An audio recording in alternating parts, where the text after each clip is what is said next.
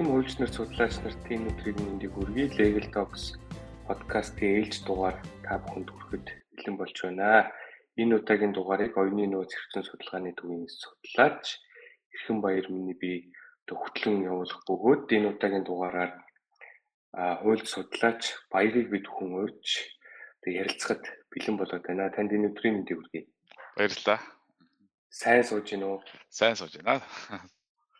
А баяр хуульч Герман улсад одоо судалгааныхаа ажлыг хийж байгааг сонссон. Ажил судалгааныхаа ажил нь сайн байна уу? Судалгааныхаа ажлынхаа сонин сайхнаас суулцааж хаана ажиллаж байгаа вэ? Тэгээ би холбооны бүгд дамт Герман улсын Макс Планк хүрээлэн. За ялангуяа хэлэх юм бол хууль ба антропологийн хүрээлэнд докторийн ажлаа бичиж байгаа яг одоо. Тэгээд манай Макс Планк хүрээлэн маань нийтдээ хуулийн гэх юм бол 10 хүрээлэнтэй байдаг. За түүн тэр дотроос манай хүрээлэн болохоор хууль ба антропологийн хүрээлэн гэж байгаа.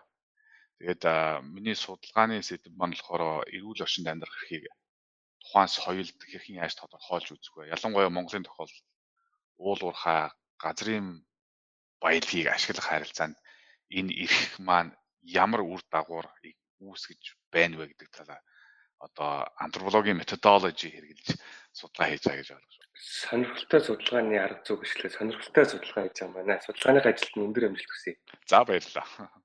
За өнөөдөр баяр хуульчийг баяр судлаачтай одоо урьдсан шалтгаан бол энэ өнгөрсөн богинохон хугацаанд одоо Монгол улсын одоо хууль эрх зүйн салбарт ийм одоо нэлийн шүүмжлэлт агуулсан ийм маргаантай асуудлууд бас болж өнгөрсөн бид бүхэн мэдж байгаа үндсэн хуулийн цэцгийн тогтоол эцсийн тогтоолын агуулга бол үндсэн хуулийн нэмэлт өөрчлөлт үндсэн хууль 19 онд оруулсан нэмэлт өөрчлөлт үндсэн хууль зөрчсөн хэсэг тухай асуудлыг хэлсэн тогтоол. За эндээсээ уялдуулаад одоо үндсэн хуулийн нэмэлт өөрчлөлтийн асуудлыг бас одоо асуудлаар ярилцъя гэж доо тийм судлаачийн одоо байр суурь санал шүүмж их одоо сонсыг зорьсон юм аа.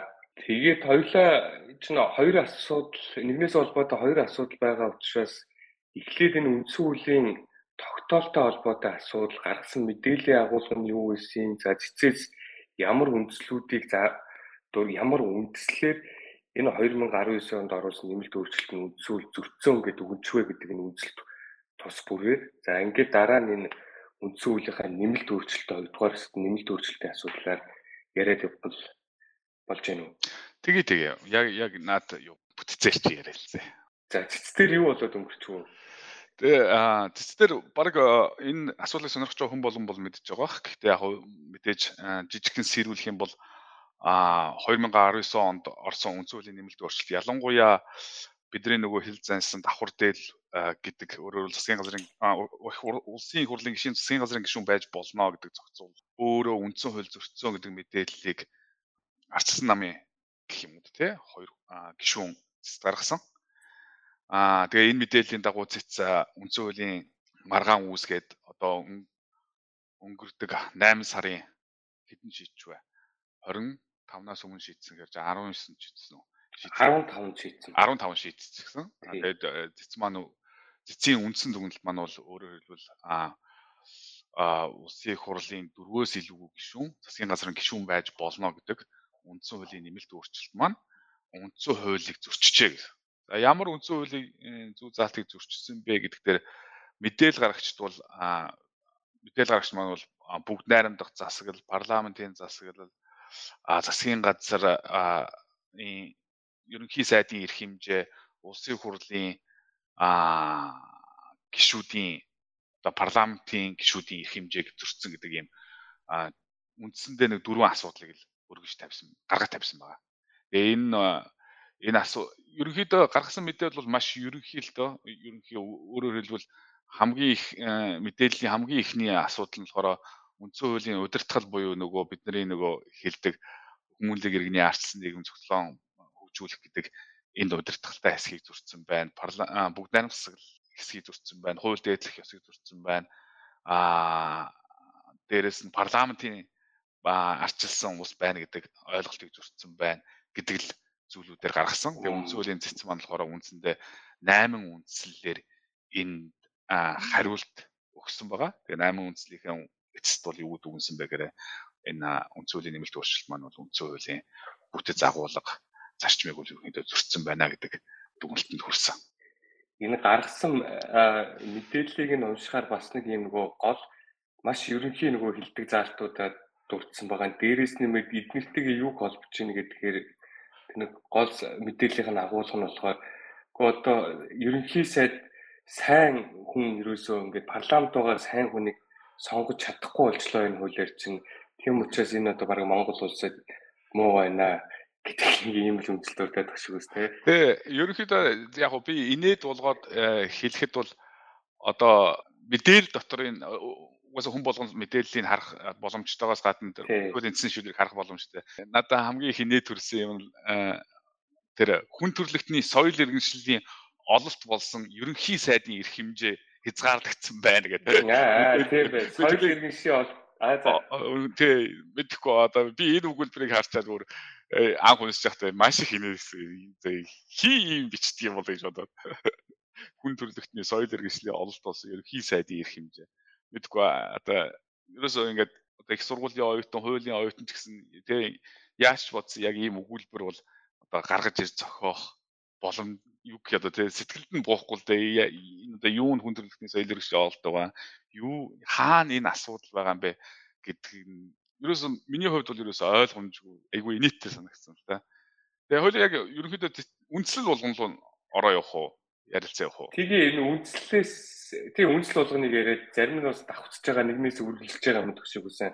Цэцгийн үндслийн нэгдүгээр хэсэг рүү оръё. Тэгээ. Нэгдүгээр үндсэл нөгөө юу нэгдүгээр үндсэл ямар үндслээр хийсэн байлаа? Маргаан шийдвэрж болно гэдгээр дүгнсэн баг шүү дээ. Тэгээ ерөнхийдөө ЗИЦО энэ 8 нийт 8 үндсэл жагсааж бичээд яг жагсааж бичсэн. Гэхдээ ерөнхийдөө тэгж өөрснөө ялгаж малгаж бол хэлээгүй л дээ. Эхний гурван үндслийг харахад бол ерөнхийдөө ЗИЦ үндсэн үндсэн хуулийн нэмэлт өөрчлөлт үндсэн хууль зөрчсөн эсэх маргааныг одоо шийдэх эрх хэмжээтэй гэдэгт хариулах гэж оролцсон юм шиг байна. Эхний хэсгийг харахад эхний 3 одоо үндслийг харахад үлдсэн 5 нь болохоор үндсэн хуулийн нэмэлт өөрчлөлт нь үндсэн хуулийн бүтэц агуулгыг зөрчсөн үү гэдэгт хариулах гэж оролцсон гэх юм уу да. Үндсэн юм хоёр хэсэг тувааж. Тэгээ үндсэн хоёр хэсэг тувааж харж болно. Тэгээ эхнийх дээр бол цэц бол өөрийгөө би бол үндсэн хуулийн нэмэлт өөрчлөлт үндсэн хууль зөрчсөн гэдэг маргааныг авч шийдвэрлэх эрх хэмжээтэй гэдгээ бол гурван зүйлээр л хэлсээд. Нэгт нь бол өөрийнхөө нэг үндсэн хууль заасан ерөнхий эрх хэмжээгээ хэлсэн байна. Өөрөөр хэлбэл үндсэн хуулийн биелэлтэн дээд хяналт тавина гэдэг өгүүлбэрийг ашигласан. Өөрөөр хэлбэл би бол үндсэн хуулийн биелэлтэн дээд хяналт тавина. Тэгээ үндсэн хуулийн маань тэрнээсээ юу руу шууд шилжсэн гэхээр үндсэн хуулийн удирдгал руу шилжчихсэн байгаа. Дээрээс нь үндсэн хуулийн хувь дээдлэх ёс одоо арчилсан ёс гэдэг заалтууд руу шилжээд өөрийгөө би бол үндсэн хуулийн дээд хяналт тавихын тавьдаг эрх хэмжээтэй байгуулга учраас үндсэн хуульд нийцээгүй нэмэлт өөрчлөлт байх юм бол түүнийг надад би шийдэх эрх хэмжээтэй гэж нэг хэлсэн байгаа. Хоёр дахь үндслэлээр юу хэлсэн гэхээр ер нь бол бид нар бол үндсэн хуулийн нэмэлт өөрчлөлт үндсэн хуулийг шийддэг шийдэж байсан бас түүхтэй гэх. Тэрийг маш уулын тийм түүх байхгүй л дээ жоохон твист хийгээд нэг оруулсан байгаа. Тэр нь яг хоо 99 оны нэмэлт өөрчлөлт яг энэ нэмэлт өөрчлөлт маань хууль зөрчсөн байна гэдэг нэг зэцтэр шийдсэн. Гэхдээ энэ болохоор нэг процессын буюу одоо нэмэлт өөрчлөлтийг ямар хурдан хийчихвэ гэдэг байдлаар л үндсэн хуулийн зэц хянсан болохоос агуулгын төвшөнд ямар ч байдлаар хянаагүй байхгүй. Тэрийг тийм учраас би бол үндсэн хуулийн одоо нэмэлт өөрчлөлт үндсэн хуулийг зөрчдөг гэдгийг шийдэх эрх хэмжээтэй гэж хэлсэн байна. Гуравт нь юу гэж хэлсэн бэхээр ер нь бол нэмэлт өөрчлөлтийн журмын тухай хууль юу те тэр хууль зааснаар бол би үндсэн хуулийн нэмэлт үндсэн хууль нийцээгүй нэмэлт өөрчлөлтийг бол үндсэн хуулийн зэц бол хянах эрх хэмжээ тема гэдэг гурван үндсэл хэлсэн. Тэр юун дээр энэ үндсэлтэй хамаатай нөгөө үндсэн хуулийн зэцийн 2006 оны тэр 6 тэгээд 2015 оны 17 дугаар нэг магадлалыг нэг хүчингү болголоо гэдэг нэг дүгнсэн байсан шүү дээ. Тий, тэдгээл хэлээд энэ асуудал дээр судлаачийн өвгийн дүгнэлтийг та юу гэж үзэж байна? Тэгэхээр би энэ дүгнэлтэнтэй санал нийлэхгүй байгаа бүр бичгээр бичээд хэвлүүлсэн байгаа. Дээрээс нь ерөнхийдөө юу юм бэ гэхээр үндсэн хуулийг мэдээж үндсэн хуулийн зэц тайлбарлах эрх хэмжээтэй. Үндсэн хууль зарчим агуулга бүтэц нийцүүлээд тайлбарлах хэмжээтэй. Магадгүй удирдгалаа яриад тайлбарлах хэмжээтэй байхыг үүсэхгүй. Тэрийг бол би ерөөсөө үүсэхгүй. А гэхдээ нэг зүйл нь юу вэ гэхээр тэр эрх тайлбарлах эрх хэмжээнд очихын өмнө энэ үндсэн хууль дээр байгаа үг хэллэгт баригдах хэрэгтэй Тэрнээс үндсэн хууль дээр байхгүй үг хэллэгийг зохиогоод түүнийг одоо үндсэн хуулийн маш ерөнхий заалтуудтай холбож тайлбарлаж байсан. Тэгэхээр өөрөөр хэлбэл үндсэн хуулийн 64-ийн нэгээс доошогоо хоёрхан зүйл харах юм бол үндсэн хуулийн зэц юунд хяналт тавих юм бэ гэдгийг тодорхой биччихсэн ба. Дөрөв бүр хаалтаа ч гэсэгээ заасан ба. Тэр дотор нэг ч өгүүлбэр байхгүй. Юу гэсэн өгүүлбэр байхгүй гэхээр үндсэн хуулийн нэмэлт өөрчлөлт үндсэн хуулийг зөрчсөн эсэх маргааныг шийдэх эрх хэмжээтэй гэж нэг ч өгүүлбэр байхгүй. Тэгэхээр тийм эрх хэмжээ үндсэн хуулийн зэст олгодоогүй байхад маш ерөнхий тайлбар хийгингуудаа би бол үндсэн хуулийн үндсэн хуулийг бол тайлбарлах эрх хэмжээтэй гэж үзэж өрөөсөө бол. Хоёрдугаарх гол үндсэл бол журмын тухай хууль, үндсэн хууль нэмэлт өргөжлөх журмын тухай хууль бол а за яг ердийн хуулиас илүү чухал ашиг бүгдэлтэй хууль мүлгээ зарим судлаачид бол хэлж байгаа, тайлбарлаж байгаа түргийг нь олох гэж оролдож байгаа. Магадгүй. Гэхдээ улсын хурлын бусад хуультай адилхах нь л процесс агуулгаар л нөгөө процесс шатаар л батлагддаг хууль. А үндсэн хуулийн нэмэлт өөрчлөлт гэдэг чинь өөрөө үндсэн хуулиар өөрөөр нь зохицуулчихсан. Дараа нь журмын тухай хуулиар зохицуулсан илүү өндөр шаардлагатай процесс одоо хэлэлцүүлэг үн шатыг дамжиж батлагддаг. Гэтэл процессын тухай хуулийг баримтлаад үндсэн хуулийн нэмэлт өөрчлөлтийг хянах хэрэгтэй маа гэж одоо байж боломгүй дүнлэлтэй ер нь бол одоо ингээд харахаар чинь нөгөө үндсэн хуулийн тогтвортой байх гэдэг энэ зарчим үзүүлснэ нэг нам эсвэл одоо олонх авсан юуны өөрчлөлт ороод энэ өөрчлөлтийг ингээд ингэх хэрэгтэй маа гэдэг энэ нэг юм буруу жишээ тогтож байна уу да. Тэгээ яг одоо яг энэний энэ буруу жишгийн нэг яг хоёр дахь хэсэг рүү л орох шууд орчих юм байна л да. Яг энэ буруу жишгийн нэг үндэс нь бол яг үнийг дагаад а нөгөө 8 сарын 25-нд гарсан үндсүүлийн нэмэлт өөрчлөлт улсын хурл өөрөө баталсан нэмэлт болчихж байгаа юм л да. Тэр нь болохоор улсын хурл маань улсын хурлын чуулганы дэгийн тухай хууль үндсүүлийн нэмэлт өөрчлөлтийн журмын тухай хуульд хоёрт нэмэлт өөрчлөлт хийгээд а тэрэндээ ямар нэмэлт өөрчлөлт хийж гэнэ вэ гэхээр үндсэн хуулийн цэцгийн шийдвэрийг үнэлэлт үндсэн хуульд нэмэлт өөрчлөлт оруулж болно гэдэг нэмэлт өөрчлөлт хийж. Тэгээ энэ маань өөрөө юу гэсэн үг вэ гэхээр одоо цэцгийн шийдвэрийг шууд аваад улсын их хурал ямар ч цэцгийн шийдвэр 64 нэгээр гаргасан гэд 64 нэг чи өөрөө маш өргөн хүрээтэй цэцгийн дүнэлчтэй. Тэгээ энэнгээр гаргасан шийдвэрээр үндэслээд үндсэн хуулийг өөрчилж болно гэдэг тийм одоо шин төрлийн одоо үндсэн хуулийн нэмэлт өөрчлөлт хийх журам зохиочж байгаа байхгүй юу. Энэ маань өөрөө ингээд үндсэн хууль одоо одоо цэц одоо юу гэх юм одоо зэц 2 92 оноос хойш магадгүй одоо 300 гаруй хэрэг шийдсэн. За энд нь 64-ийн нэг хэрэглээгүй хэрэг бараг шийдээгүй. Энэ дээр нь л 64-ийн нэг хэрэг шийдэж байгаа бах. Ингээ бодоод үзэх юм бол эсвэл өнөөдрөөс хойш ч юм уу мэдгүй бодоод үзэх юм бол цэцгийн шийдвэр болгоны үндэслэл одоо үндсэн хуулиа хөндөд их боломжтой болж байгаа. Миний одоо ганц санаа зовж байгаа зүйл бол цэцгийн шийдвэрийг үндэслээд үндсэн хууль дахиад өөрчлөлт авах боломжтой юм уу? Тэгээ энэ нь яагаад ямар учиртай юм гэхээр цэцгийн шийдвэрийг үндэслээд ягаад үндсэн хууль өөрчлөх тийм аюултай юм бэ гэхээр энэ 3 дахь хуулбар гэж би хэлээд байгаа нь бол үндсэн хуульд 2 хон хуулбар байгаа. Гэхдээ 3 дахь хуулбар гэж хэлээд байгаа нь болохоор өөрөө тусгай процесс. Тусгай процесстэй бол яахаар 3 дахь хуулбар болчихж байгаа. Тэгээ тусгай процесс нь юу юм бэ гэхээр үндсэн хуульд нэмэлт өөрчлөлт хийдэг ерөнхийдөө үндсэн 2 процесс буюу их хурал нөгөө 3 4 хилцүүлэг явуулж хагаад ирэг дээрээ хилцүүлж хагаад эцэст нь 57-оос дээш гишүүнээрээ баталдагаас гадна одоо өнөөдөр үндсэн хууль э, сая 8 сарын 25-нд баталдаг шиг хурдан ямар нэгэн хилцүүлэг хийхгүйгээр ингээд гялс баталцдаг. Тийм л одоо санал нэгдэх юм бол тийм л хөлбөр л орох гол байна л да. Орчод байна л да. Үнцийн тавьчаад байна л да. За ойлээ энэ хэсгийг яг юун дээрээ дараагийн хэсэг дээр юу ярив. Тэгээ дэлгэрэнгүй ярив. Тий дэлгэрэнгүй ярив. Аа сонирхолтой чухал асуудал цэцэн шийдвэрийн дараагийнхаа хэсэг рүү орох уу? Тэгээ гол ягаад зөрчсөн бэ гэдэг дээр яаж юу болов? Тэгээ таван үндсэл үлдсэн таван үндсэл нь болохоор ерөнхийдөө үндсэн хуулийн нэмэлт өөрчлөлт үндсэн хуулийг зөрчсөн үү гэдэг дээр яг гол хариулсан байна. За энэ ингэж хариулахдаа гол баримтлсан санаа нь бол ер нь нэг үндсэн хуулийн нэмэлт өөрчлөлт өөрөө үндсэн хуулийн бүтэц агуулгад а нийцсэн байх хэвээр. Тийм учраас үндсэн хуулийн нэмэлт өөрчлөлт маань өөрөө энэ бүтэц агуулгад нийцээгүй байна бүтэц агуулга гэдгээ юу гэж Гэхдээ яг би одоо эрхмээ би би бол ингээд айгүй ингээд сайхан тайлбарлаж хэлээд байгаа юм л да. Одоо ингээд үндсэн хуулийн цэцэн шийдвэрийг ингээд айгүй ингээд бүтцтэй зохион байгуулалттай ийм агуулгатай ингэсэн байна. Та үнсэн хүн бол тэгж барыг харахгүй. Зүгээр нэг айгүй сонин бичээ тавьсан. Би бол ерөнхийд нь ингээд маш сайн уншиж хагаад аа за за нэг ийм хэлэх гээд байгаа юм байна. Яг ингэх юм байна. Ийм үндсэл байгаа юм байна гэж харж байгаа байхгүй. Тэрнээс яг ингээд яг өөрийнх нь шийдвэрийг унших юм бол тийм тодорхой үндсэл бид нар харагдахгүй л дээ. Юун дээр одоо жишээлбэл энэ дүгэл дээр нэг ийм өгүүлбэр байна шүү дээ, тий.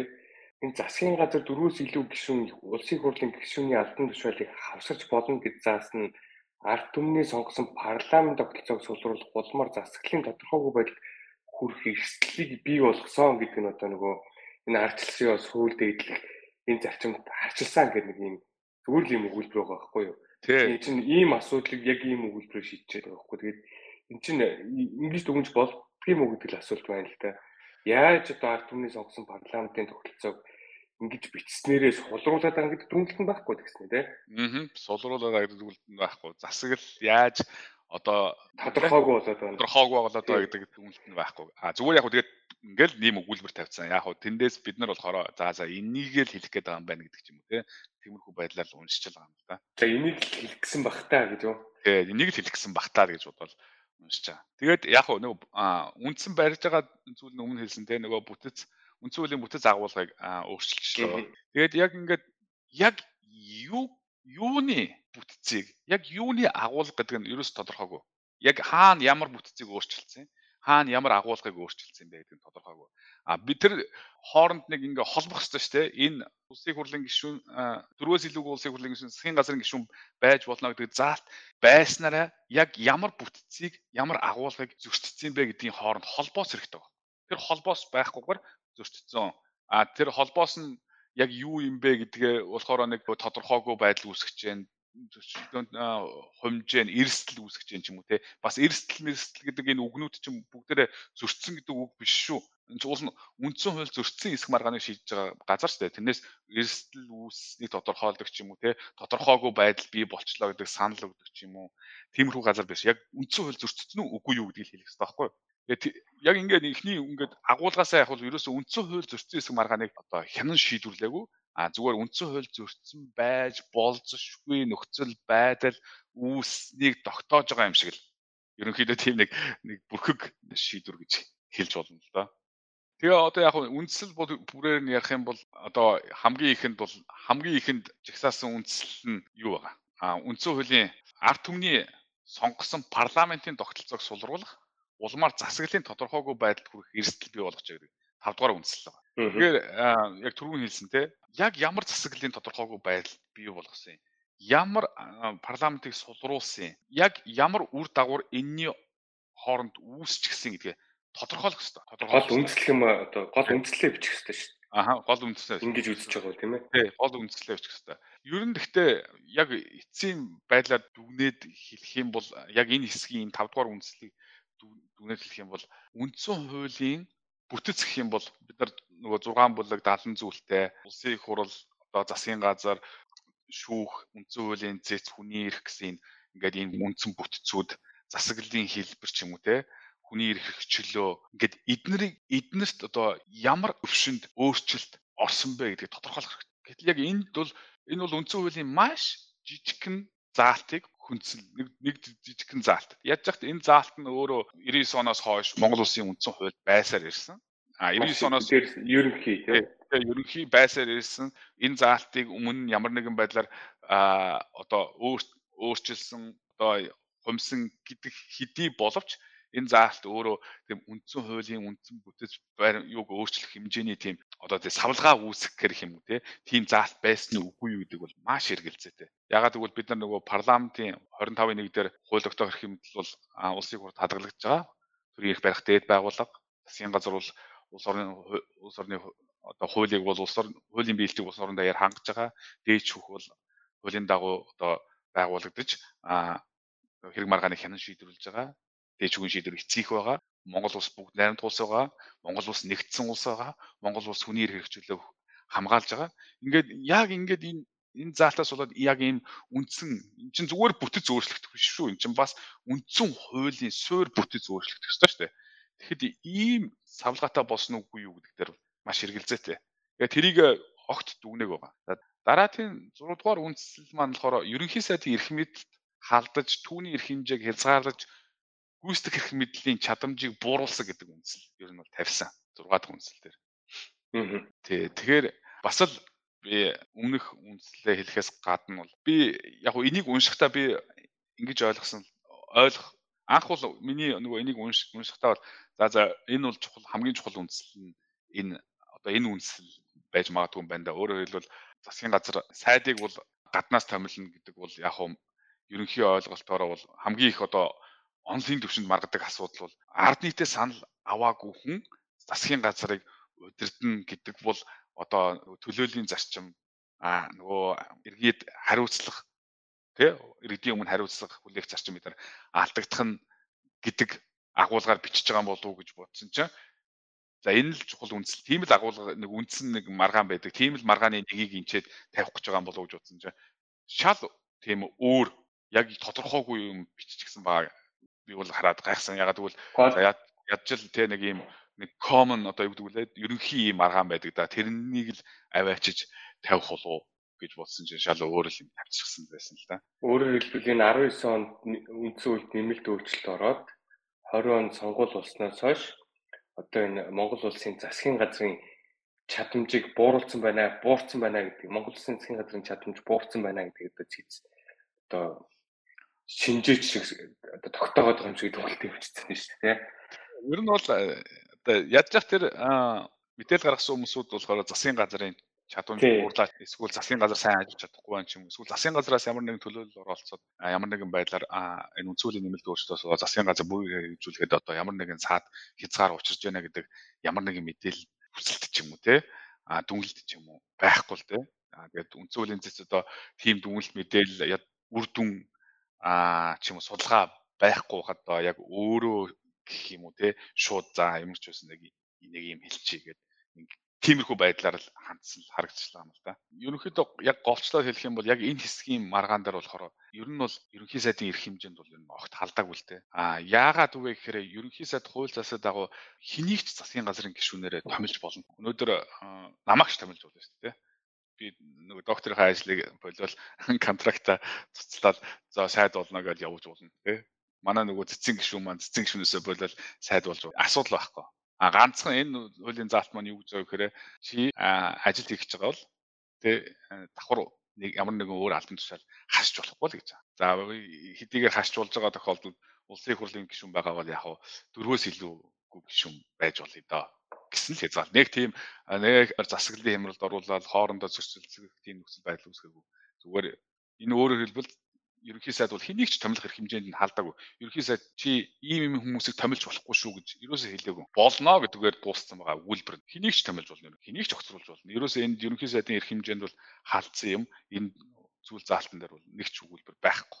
Тэргээд дараагийн үндслэл нөгөө парламентын гишүүний чөлөөт мандатыг зөрчилчлөө. Парламентын гишүүн уулна анх юу гэдгийг сонгуул өрсөлдөхтөө парламентын гишүүн болно. Нийт иргэн Монгол улсын эрх ашиг төлөөлнө сонгогчдийнхаа эрхэж төлөөлнө гэж сонгож байгаа. Тэрнээс би Монгол улсын тим сайд болно гэж томилогдоогүй. Тим мандат аваагүй.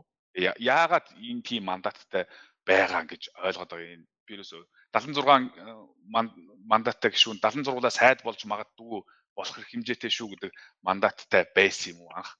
Би ерөөсөө тэр тэр эрхийг нь хадгалах хэрэгтэй байсан гэж юм айгүй ойлгомжгүй тий. Тий, энэ уул нь их хурлын гишүүн бол нийт иргэн улсын ярих шиг төлөөлнө, сонгогчдоос сонгогдно. А дээрэс нь энэ хөгжлийн гишүүн тэ хэрв их хурлын гишүүний үүрэгт ажиллаа өгөөд тэгээд засгийн газрын гишүүн байх бол боломж нь бас нээлттэй байгаа. Тэрийг юусоо хориглоогүй. Тэгээд одоо энэ яг нөгөө дүгнэлтээр хэлсэн юм болохоор гишүүний чөлөөт мандатын агуул мандатын агуулгыг үүсгэж хяналт тэнцлийн зарчмыг алдагдуулах үндсэн үеийн дотоод зөрчил үүсгэсэн байна гэдэг нэг л юм өгүүлбэр байгаа. Тэгээд тий.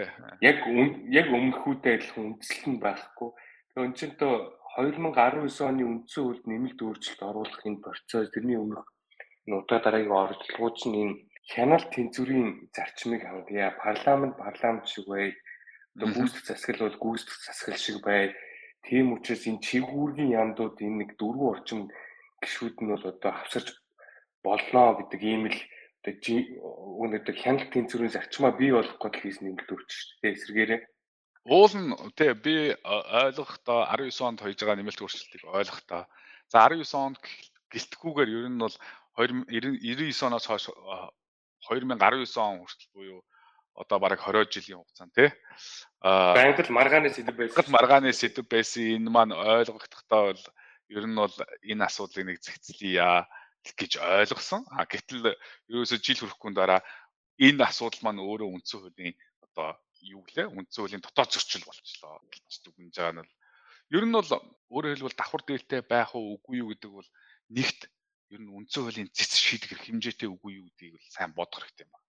Энэ өөрөө яагаад гэвэл 20 жилийн турш улс төрийн маш олон намууд бие биенийхээ эсрэг ярьдаг огцорсон сонгогдсон а гудамжинд байгаа ч ярьдаг сэдв байсан. Өөрөөр хэлбэл энэ өөрөө энэ юу гэхээр нөгөө амьдрал одоо бодит нөхцөл байдал амьдралын явцад энэ өөр энэ сэдв маань өөрөө маш их улс төрийн сэдв болж хуурсан.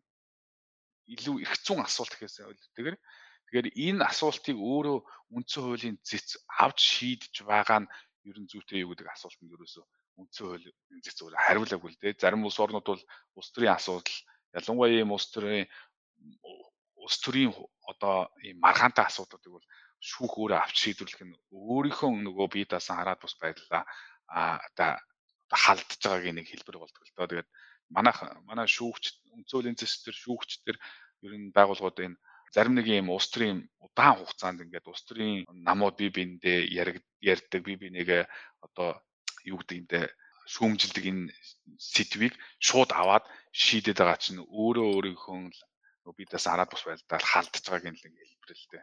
Тий. Ер нь бол за цэцэн би бол энэ цэцэн шийдвэр шийдвэрийн төгсгөл дээр нэг сонин өгүүлбэр байгааг хамгийн 8 дугаар үндсэл дээр нэг сонин өгүүл. Тэр нь маань юу гэхээр энэ уул нь үндсэн хууль үндсэн хууль зөрчсөн хэсгийг шийдэж байгаа газар мөртлөө парламентын гишүүдийн тоог нэмэх замаар үндсэн хуулийн дотоод зөрчлөлийг одоо шийдвэрлэдэг арга зам байна гэсэн өгүүлбэр байгаа. Тэгээ би энэ өгүүлбэр одоо яг яах гэж орсыг ерөөсөө ойлгоогүй л дээ. Аа магадгүй нөгөө мэдээлэл гаргагч нар маргах явцад энэ өгүүлбэр орох шаардлагатай болсон юм уу? Яасан? Уул нь үндсэн хууль зөрчсөн хэсэг маргаанаа шийдэж хат энэ дунд нь нэг санал юм уу? Эсвэл судалгааны дүнэлт юм уу? Нэг тийм өгүүлбэр хамгийн сүүл 8 дугаар үндсэл дээр биччихсэн байна өөрөх нь нөгөө хариулах хөстэй эрх хэмжээнд нь байхгүй асуудлаар ингээд ингээл бас дүнэлтэндээ өөрөө үндсэн хууль зөрчөөд. Тэр дүнэлтийг уншаад уншаад сонсгол гэдгийг. Тэр дүнэлт нь За тэг тэр дүнэлт. Ийм дэлхийн дэлхийн нийтлэг чиг хандлага үндсэн хуулиар баталгаажсан дээрх үзэл баримтлалын хүрээнд үндсэн хуулийн үндсэн бүтэц суур үзэл баримтлал нийцүүлэн улсын хурлын гишүүний тоог нэмэх нь хууль тогтоогчийн бүрэн эрхэд хамаарах асуудал болно гэдэг. Маргааны сэдвтэй хамааралтай юу вэ? Яг энэ одоо гаргасан мэдээлэлтэй. Энэ маргасан мэдээлэлтэй шүүгч яаж шүүгч одоо юуг дүгнэх хэрэгтэй байдаг үлээ гэдэг нь айгүй юм сонирхол уншигчтай байгаа байхгүй надад тэгэхээр та Тэ одоо ер нь бол энэ маргааны сэдвүүтэй хамаагүй юу гэхээс илүүтэй над миний тавьж байгаа асуудал үндсэн хууль энэ цэц ийм үндслэл бичих одоо тий санал дэвшүүлэх эрхтэй байд юм уу? Тэгэд 64-ийн нэг дээр нь үндсэн хуулийн цэц үндсэн хуулийн бэлдэн дээд хяналт тавина. Маргааныг магадлан шийдвэрлэнэ. Үндсэн хууль зөрчсөн хэсгээ дүнэлт гаргана гэсэн бурхан хэрэг хэмжээтэй байгаа. Тэрний доотлолт нь болохоор ямар ямар асуудлаараа асуудлаараа вэ гэхэд хууль засгийн газрын тогтоол тэгээ ерөнхийлөгчийн зарлаг гэл чагсаагаар бичсэн дөрвөн зүйл байгаа. Тэн дотор ерөөсөө тэ ерөөсөө одоо үндсэн хуулийн зэц ийм асуудал хариулах санал өгөх тийм их хэмжээрөөсөө бичигдэг байхгүй. Тэгэхээр энэ өөрөө өөрлөвл үндсэн хуулийн цэцэд олгодоогүй эрх хэмжээг эн чинь дүнлэлтэн дээр бичээд байгаа байхгүй. Би бол тэгж аа тэрнээс маргааны үндсэн асуу тэгэд ердийн шүүх дээр ердийн шүүхийн ямар шүүгч энийг аваад үзэх юм бол энэ маргаантай хамаагүй асуудал байна гэж энэ асуудлыг бол авч хэлцэхгүй шүү дээ. Тийм учраас би яг тэр тэр үднээс ахвал энэ маргаантай ямар ч хамаагүй бас асуудлаар ингээ ярьсан байна. Хоёрт бол өөрөө үндсэн хуулиас өчөөд ямар ч хамаагүй хамаагүй асуудлаар тайлбар юм уу, санал юм уу. За яг уу энэний үр дагаврыг би юу гэж хараад байгаа гэхээр нөгөө л одоо үндсэн хуулийн нэмэлт өөрчлөлт төр магадгүй энэ 8 дугаар үндслийг бариад дахиад дахиад нэмэлт өөрчлөлт хийх үндсэл болохгүй л гэж л. Тийм л муу үр дагавартай байж магадгүй л гэж харж байна. Өөрөөр хэлбэл энэний цаанаа дахиад нэг юм яваад шүү дээ. Тий. Тийм л муу үр дагавартай байж магадгүй. Тэрнээс бол тийм уур дууртайгаа бол ингэж бичих эрх хэмжээ үндсэн хуулийн цэцэд бас байхгүйсэн.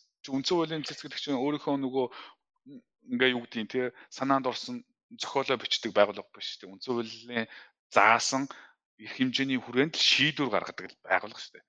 Тэрнээс одоо өөрөөр хэлбэл цэцэн энэ яг ингээд энэ нөгөө тогтоолын санааны логикоор нь одоо ингээд яагаад хөөгөөд бодоод үзвэл цэцээс ямарлсан энэ нэмэлт өөрчлөлт хууль зөрчсөн гэд гаргачлаа. Тэгэхээр та хэд одоо ингээд засгийн газрын гишүүн чинь парламентын гишүүн чинь засгийн газрын гишүүн байж болно. Тийм учраас ер нь та нар тоомоогоо нэмэх чинь та нарын асуудал шүү гэдэг нэг юм тийм л юм уншдаг шүү дээ. Тэ тэгээ бодвол одоо тэгээд цэцгийн дүгнэлтийг үнсэлж үндсэн хууль нэмэлт өөрчлөлт оруулна гэдгийхээ айгүй л нэг цэцгийн дүгнэлтээр 2 3 удаа 2 3 үндсэн хуулийн нэмэлт өөрчлөлт хийх үндслэл бичиж байгаа юм байна. Манай чуулганаар манай болохоор байж шүү дээ. Тэгээ 8 үндсэл бичсэн. А эхнийх нь болохоор юу гэх юм те. Эхний үндслээр бид нэр сая нэмэлт өөрчлөлт хийжлээ. Одоо 8 дахь үндслээр дараагийн нэмэлт өөрчлөлт ээнэ гэхгүй л гэж санаа зовж байгаа. За хоёулагийн нөгөө эхний хэсгийн хоёул ингээд өндөрлөө ер нь үндсэн хуулийн цэцгийн тогтоол одоо үндэслэх бүхий байж чадсан уу? Үндсэн хуульд нийцсэн үгүй юу гэдгээр гэдэг асуудал төр бол манай хуульч нар, судлаач нар харьцангуйгаар бол одоо шүүмжлэлтэй хандаж бол энэ асуудал төр санал нэгтэй одоо нэг бол шүүмжилж байгаа гэдэгт бол итгэлтэй байгаа. Бас илэрхийлж байгаа. За дараагийн асуудал одоо үндсэн хуулийн нэмэлт өөрчлөлт. Юу болчих вэ? Энд чинь юу болчих вэ би нэг бас бас л шок юм байл та юу болчихвол гэж асууж байна л да. Тий би ер нь манайх үндсэн хуульд ингэж хурдан нэмэлт өөрчлөлт хийсэн хоёр тохиолдол нэг нь 99 оны 12 сард байна тий хийсэн. Сая бас ингээ хийчлээ тий. Тэгээд саяны нэмэлт өөрчлөлт саяны нэмэлт өөрчлөлт энэ илүү нөгөө одоо яг судлаачийн хувьд гэх юм уу тий илүү сонирхож харсан удаан харж лээ л да.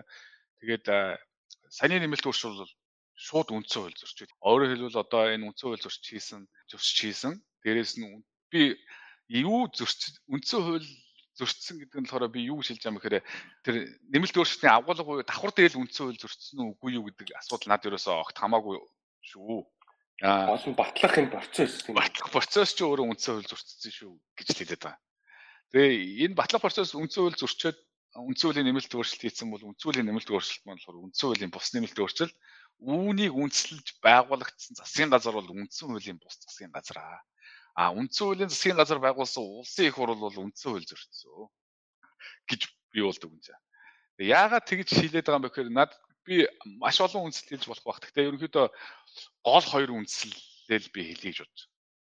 За нэгт бол ер нь үндсэн хуульд нэмэлт өөрчлөлт ер нь яг яаж хийдэг юм бэ гэдэг зүйл байна.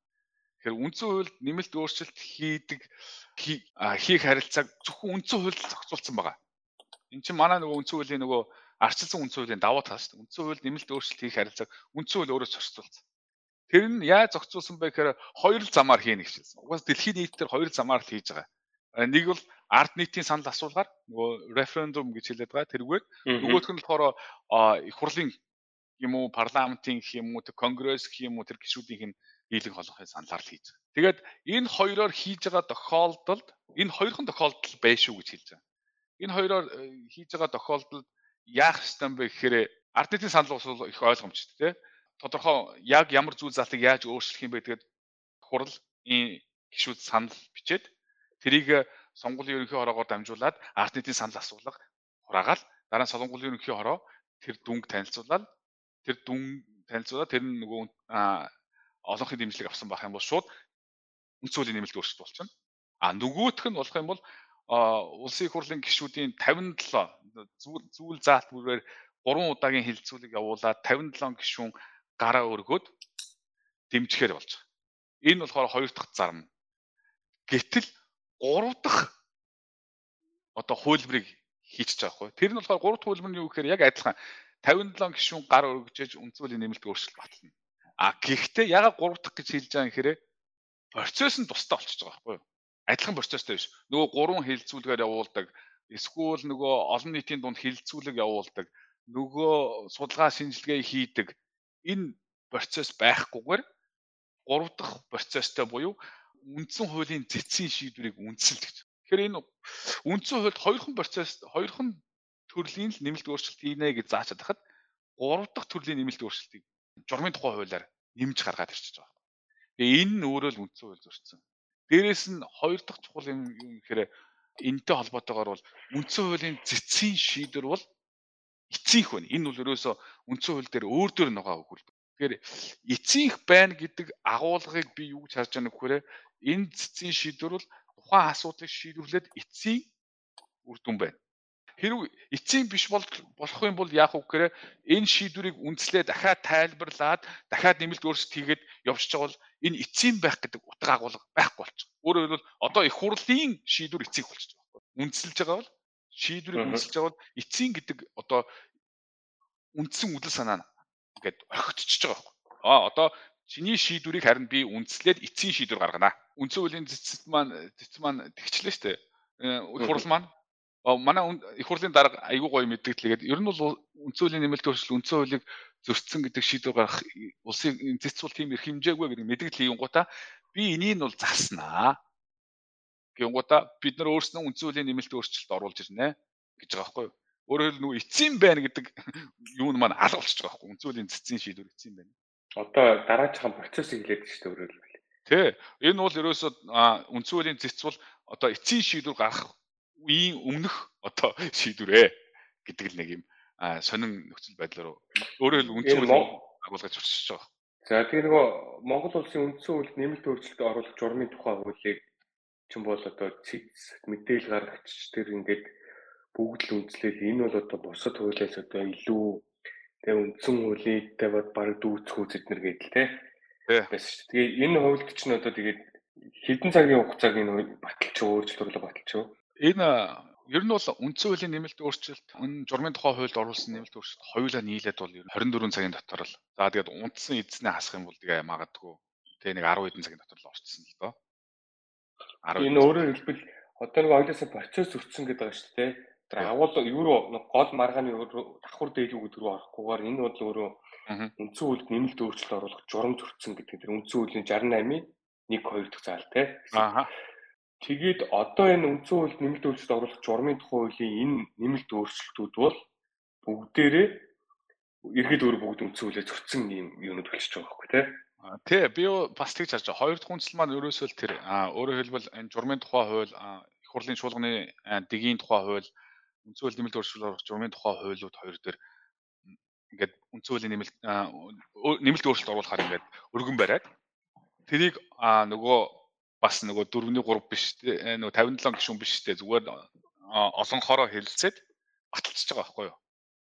Тэгээ батлаад баталчихсан. Уул нь хууль зааснаар бол нэг ийм чуулганы дэгийн тухай хуулийн дээр ч тийм байгаа журмын тухай хуулийн дээр нь ч байгаа тэр хууль нэмэлт өөрчлөлт оруулах журмын тухай хуулийн дээр ч байгаа. Дээрээс нь хууль тогтоомжийн тухай хуулийн дээр ч байгаа. Нэг уул нэг 3 4 процесстэй судалгаа шинжилгээтэй дүгнэлттэй хилцүүлэхтэй явах хэрэгтэй байхгүй тэгээ бүр инээдтэй бүр зүгээр энгийн жишээ хэлээ. Хууль яаж батлагдсан бэ гэдэг. Ингийн хууль батлагдах нэмэлт өөрчлөлт оруулах адилхан процесс. Улсын хурлын дарагт хууль нэмэлт өөрчлөлт оруулах төслөө өргөн барина. Улсын хурлын дарга хараалагдах хууль дээр нь байгаа шүү. Хараалагдах байнгын хороонууд хороонд 3 хоногийн дотор хуваарлана гэж байна уул нь 3 хоногийн дотор хуваарлна. Өөрөөр хэлбэл за яг дотор гээд садвалчаа 3 хоногийн дотор гэсэн чинь 1 цагийн дотор ч байж болно гэж орчуулж байгаа. Ер нь бол нэг цаад санаа нь болохоор 3 хоногийн дотор гэдэг чинь нэг иймэрхүү хугацаа шаарддаг юм нэ тий. Тэгээд байнгын хороон дээр хилцүүлэг хийгээд дараа нь их хурал дээр хилцүүлэг хийгээд буцаад байнгын хороон дээр буцаад их хурал дээр хоёр дахь дөрөв дэх хилцүүлэг хийгээд эцэслэн батлаар гээд дөрвөн үе шаттай. За үүний дараа яах вэ гэхээр ерөнхийлөгчд өргөн шүү дээ. Ягаад гэвэл ерөнхийдөө хувь үндсэн хуулиар заасан нэг том эрх хэмжээ байгаа нь хууль хориг тайхам. Ерөнхийлөгч тэр хуулийг хүлээж аваад судлаад, үзээд, хараад тэгээд хориг тавих үгүйгээ шийдэж дээ. Тэгээ энэ бүх процесс ерөөсөө юу гэнтэй нэг нэг өрөөнд дотор одоо байдгийн буруу юм уу юу юм тийш доошог үгээд тэгээд эсвэл одоо юунуудаа гялзуулцдаг юм байлгүй те. Одоо процессуудыг л хангачдаг юм байлгүй те. Тэгэл шууд батлаад Тэгээ явсан. Тэгээд одоо энэ нэмэлт өөрчлөлт оруулах журмын тухай дээр өө бусад хууль амаагүй шүү цэцэн шийдвэр гарвал тусгай журамтай шүгэл нэг юм. Тий. Тэгээд тэр э, тусгай журмаа журмаа харах юм бол бас яг одоо одоо яг ингээд энэ процессээс харна тусгай журам нь юу юуг одоо энэ үндсэн хуулийн цэц аваад шийдсэн энэ одоо тусгай журманд аваад шийдсэн бэ гэхээр хууль баталдаг энэ шатуудыг аваад шийдсэн. Үндсэн хууль баталдаг энэ хилцүүлгүүдийг аваад шийдсэн байхгүй юу? Одоо нөгөө процессээс нь энэ энэ асуудал бүр тусдаа ингээд дахиад нэг юм сэдв болж байгаа байхгүй тий. Тий, үндсэн хууль баталдаг хилцүүлэг явуулахгүй ямар санда тэр чуулган би нэг хэсэгт хайлт ингээ би ч нэг өөр улстай болохоор нэг сайн харж чадахгүй. Тэгээд ингээ чуулган хайлт харж хахад нэг хоёр удаа хилцүүлэг болсон уу үгүй юу. Тэгээд тэгээ нэг хоорондоо жоохон маргалдаад тах шиг үл энэ хэдэн хилцүүлэг болох хэвээр байна хэвээр байгаад. Нөгөө нөгөө нэмэлт өөрчлөлтийн тухай хуулаа их хурлын гишүүн чинь танилцж амжаагүй шүү дээ тий.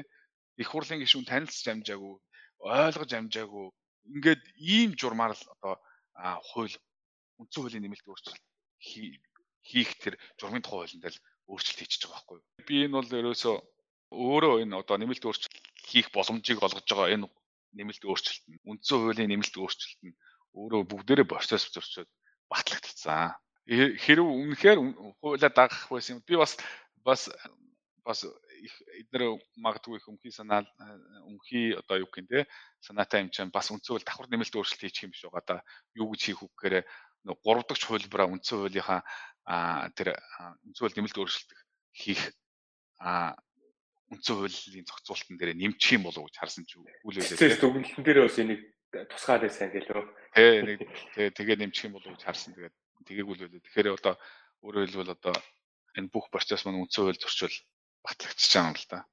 За хоёулагийн ярилцлага бас одоо яг тогтсон асуудлаар дээр яриад энэ хүрээд өндөрлөгт хишиг ханд чинь тэр нөгөө цэцгийн дүгнэлттэй холбоотойгоор нэг асуудал яригдаад байгаа шүү дээ. Энэ их хурлын гишүүдийн тоог нэмэх нь бол та нарын асуудал шүү. Бодорой гэдэг нэг юм агуулгатай өгöd байгаа шүү. Аа. Тэгээ одоо ер нь цаашаа процесс юу болох гэж юм гэдэг ийм таамаглал судлаач өгөр байна уу?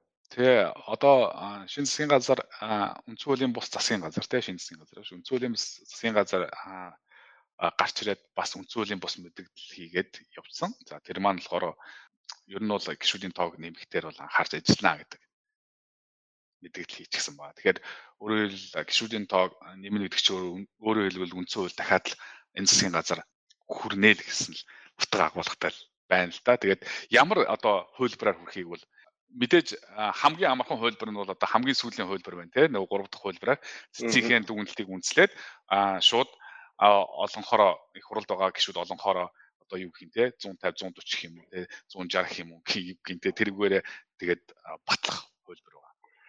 Өөрөөр хэлбэл одоо энэ үндсэн хууль нэмэлт өөрчлөлт оруулах журмын тухай хуульд орсон өөр шинэ өөрчлөлтийн дагуу цэцгийн тогтоол гарсан учраас баг одоо тэгж шийдвэн ч гэдэг бүр амар юм болох шивдэг гэж болоо. Тэгээд яг хөө тэг тэг тэгээд ихгүй л хэлбэл тэгээд өөр би яг хөө нэг юм гайхаад байгаа нь болохоор өөрөөр хэлбэл энэ үндсэн хууль зөрчсөн ийм олон энийг яагаад ингэж улам өргөтгөж явах шаард өргөтгөж явах гээд байгаа энэ өөрөө энэ муу жишг нь өөрөө энэ засгийн газараас гадна дахиад өөр шин засгийн газрууд өөр улсын их хурл өөр ерөнхийлөгч бүрэлдээд ирэх тохиолдолд энэ өөрөө Монгол улсын өөрийн энэ эрх зүй тогтолцооны өөрийнх нь хамгийн том сул тал болж хувирах үе.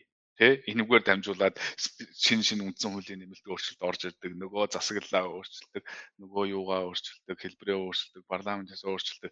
Ийм юмны эхлэлийг тавьчаад дараа нь парламент ёсоо бэхжүүлнэ гэдэг зүйл яриад байгаад юм гэж хэрэгэлзээд байгаа. За хоёрдугаарх зүйл болохоор ер нь бол төлөөл 140 150 байх хэрэгтэй мүү үгүй мүү гэдэг бол ер нь бол энэ бол ард иргэдээсээ асуух хамгийн чухал асуулт. Таныг хідэн хүн төлөөлөх ёстой бай гэдэг. Тэгээ энийг одоо цэцгийн дүгнэлтээр бол ерөөсөө хийж болохгүй. Иргэд өөрснөө мэдэх ёстой байхгүй. Би намаа 5000 эрхэм биднийг нэг хүн төлөөлъя үгүй юу гэдгийг бол иргэд өөрснөө мэдэх ёстой.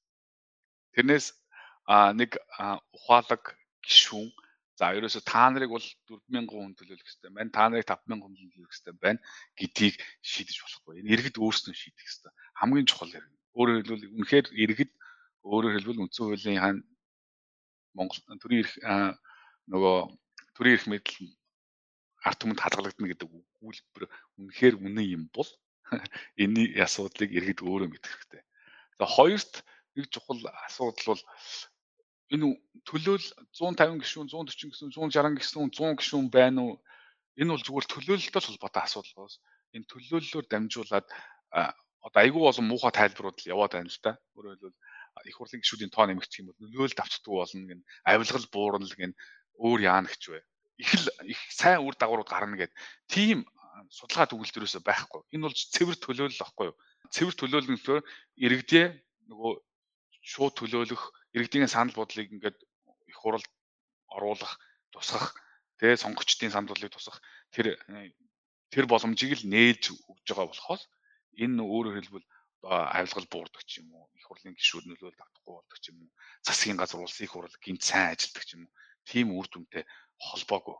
За дээрэс нь энэтэй холбоотой пропорционал сонго сонго нөгөө сонгуул явуулдаг хэлбэр оруулж байгаа гэсэн чинь пропорционал гэдэг чинь төлөөллийн зарчмыг чинь одоо бууруулдаг л сонгуулийн хэлбэр шүү дээ. Төлөөллийн зарчмыг бууруулдаг иргэдээс ирдэг төлөөлийн зарчмыг бууруулдаг.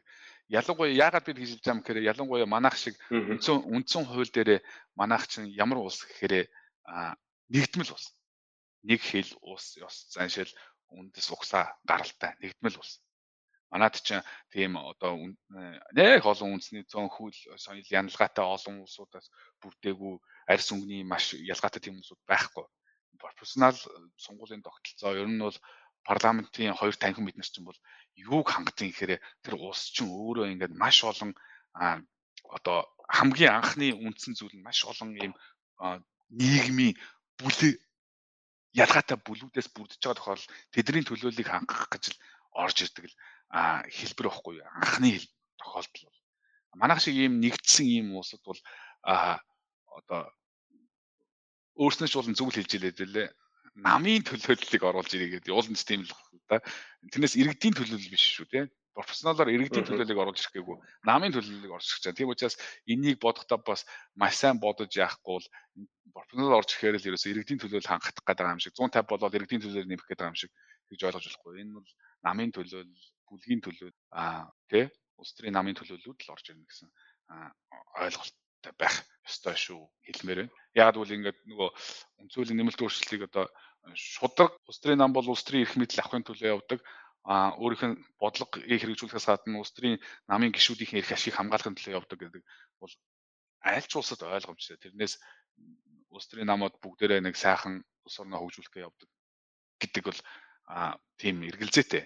Тийм тэр бол нэг бараг худлааш хуу ойлголт. Тийм учраас иргэдэд зөв мэдээлэл өгөж те энэ улс төрийн нам юу хүсэж байгаа, юу олж авах гээд байгаа. Тэгээ тэрэнд нь бид нар яаж хязгаарлалт тогтоох хэрэгтэй юм бэ гэдгээ зөв харахгүй бол а сайхан гоё нэр томьёо урайны дор янз бүрийн өөр асуудлууд бол орж ирэх магадaltaй. За манай legal data-гийн үйлдвэрийг хүлээж авсанд баярлалаа. Баяр судлаачд баяр судлаачийн бүтээлүүд одоо бичгийн хэлбэр манай цан захим санд байрсан байгаа. Та бүхэн бас одоо бичгээр хэлэнгүүгээр уншиж сонирхох боломжтой байгаа шүү. За хамгийн сүүлд нь би бас энэ асуудлаар одоо манай хуульч нар, судлаач нар, оюутнууд бас үжил бодлоо илэрхийлээрээ, судалгааныхаа ажлыг хийгээрээ те эсвгүүцлээ илэрхийлээрээ одоо жишээлбэл эн чинь сая Америк дээр үр хөндлөлтөй холбоотой дээж бүхэн шийдвэр гаргахад л одоо Америк даяараа оюутнууд, багш нар те хуульч нар ингээл гудамжинд байгаа хүмүүс ингээд бүгд л эсэргүүцлийг илэрхийлж чинь энэ асуудал бол одоо манай улсын тухайд бол одоо бас бид нар хуульчнаар үжил бодлоо илэрхийлж явах хэрэгтэй юм дараас нь мөрдөж мөшгөж явах хэрэгтэй юм шаардлага тавьж явах хэрэгтэй чухал асуудал шүү гэдэг ус юм ураа хэлгсэн юм аа. Аа дэмжиж जैन тий. Манай хуульч нарын дуу хоолой хоолой одоо нөгөө үндсэн хууль нэг хүмүүс зарим хүмүүс тэгж яадаг шүү дээ.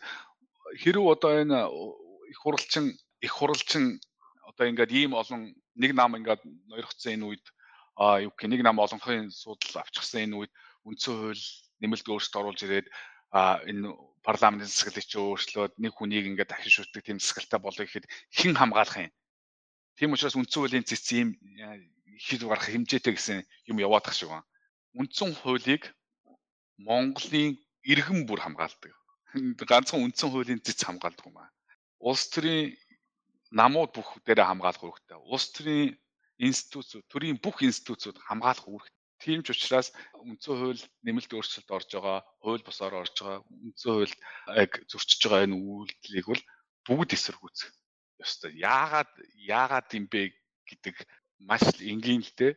Яагаад юм бэ гэдэг бол ер нь бол айгу удаан яа болчих гэдэг юм. Яагаад гэдэг нь болохоор үндсэн хууль маань өөрөө үндсэн хууль гэдэг энэ бичиг баримтын өөрийн анхны үзэл санаа юунаас ихтэй вэ гэхээр ерөөсөл нийгэмд хүчтэй нэг хэсэг бүлэг иргэд хүмүүс төрийн эрх хэмжээ барьдаг. А тэргүүрээ дамжуулаад улам хүчтэй болоод олонхыгоо гэх юм уу эсвэл мөрөөрөө амьдарч байгаа жирийн иргэдээ амьдралыг одоо боснуулдаг тий хэлмэгдүүлдэг. Тэгэхээр үндсэн хуулийн үндсэн үзэл санаа чинь ерөөсөө энэ эрх хэмжээнд л хязгаар тогтооход оршиж байгаа. Тэгээд энийг чинь ингээд хамаагүй савлуулад өөрчлөөд а тэр үзэл санаас нь холдуулаад дураараа ингээд байхаар чинь юу руу халдж яана гэхээр тань руу л халдж байна гэсэн. Тань руу та өөрийнхөө жирийн иргэн гэж боддог. Дээрээ татлаатай ч юм уу, дороо түлхээтэй ч юм уу, тийм нийгмийн бүлэг ийм хүн биш. Яг над шиг хүн байгаа бол бид энэ подкастыг хийж байгаа бид нар шиг залуучууд байгаа бол тань руу халдж байна гэсэн. Тэр их хэмжээтэй хүнд хязгаарлалт тавьж байгаа гол бичиг баримт чинь л одоо юу ч хөө болох гол байна л гэж ойлгох хэрэгтэй. За Vice Flash та баярлалаа. Судалгааны ажилд өндөр амжилт хүсье. Тэгээд эргээд холбогдъё. Аа баярлалаа.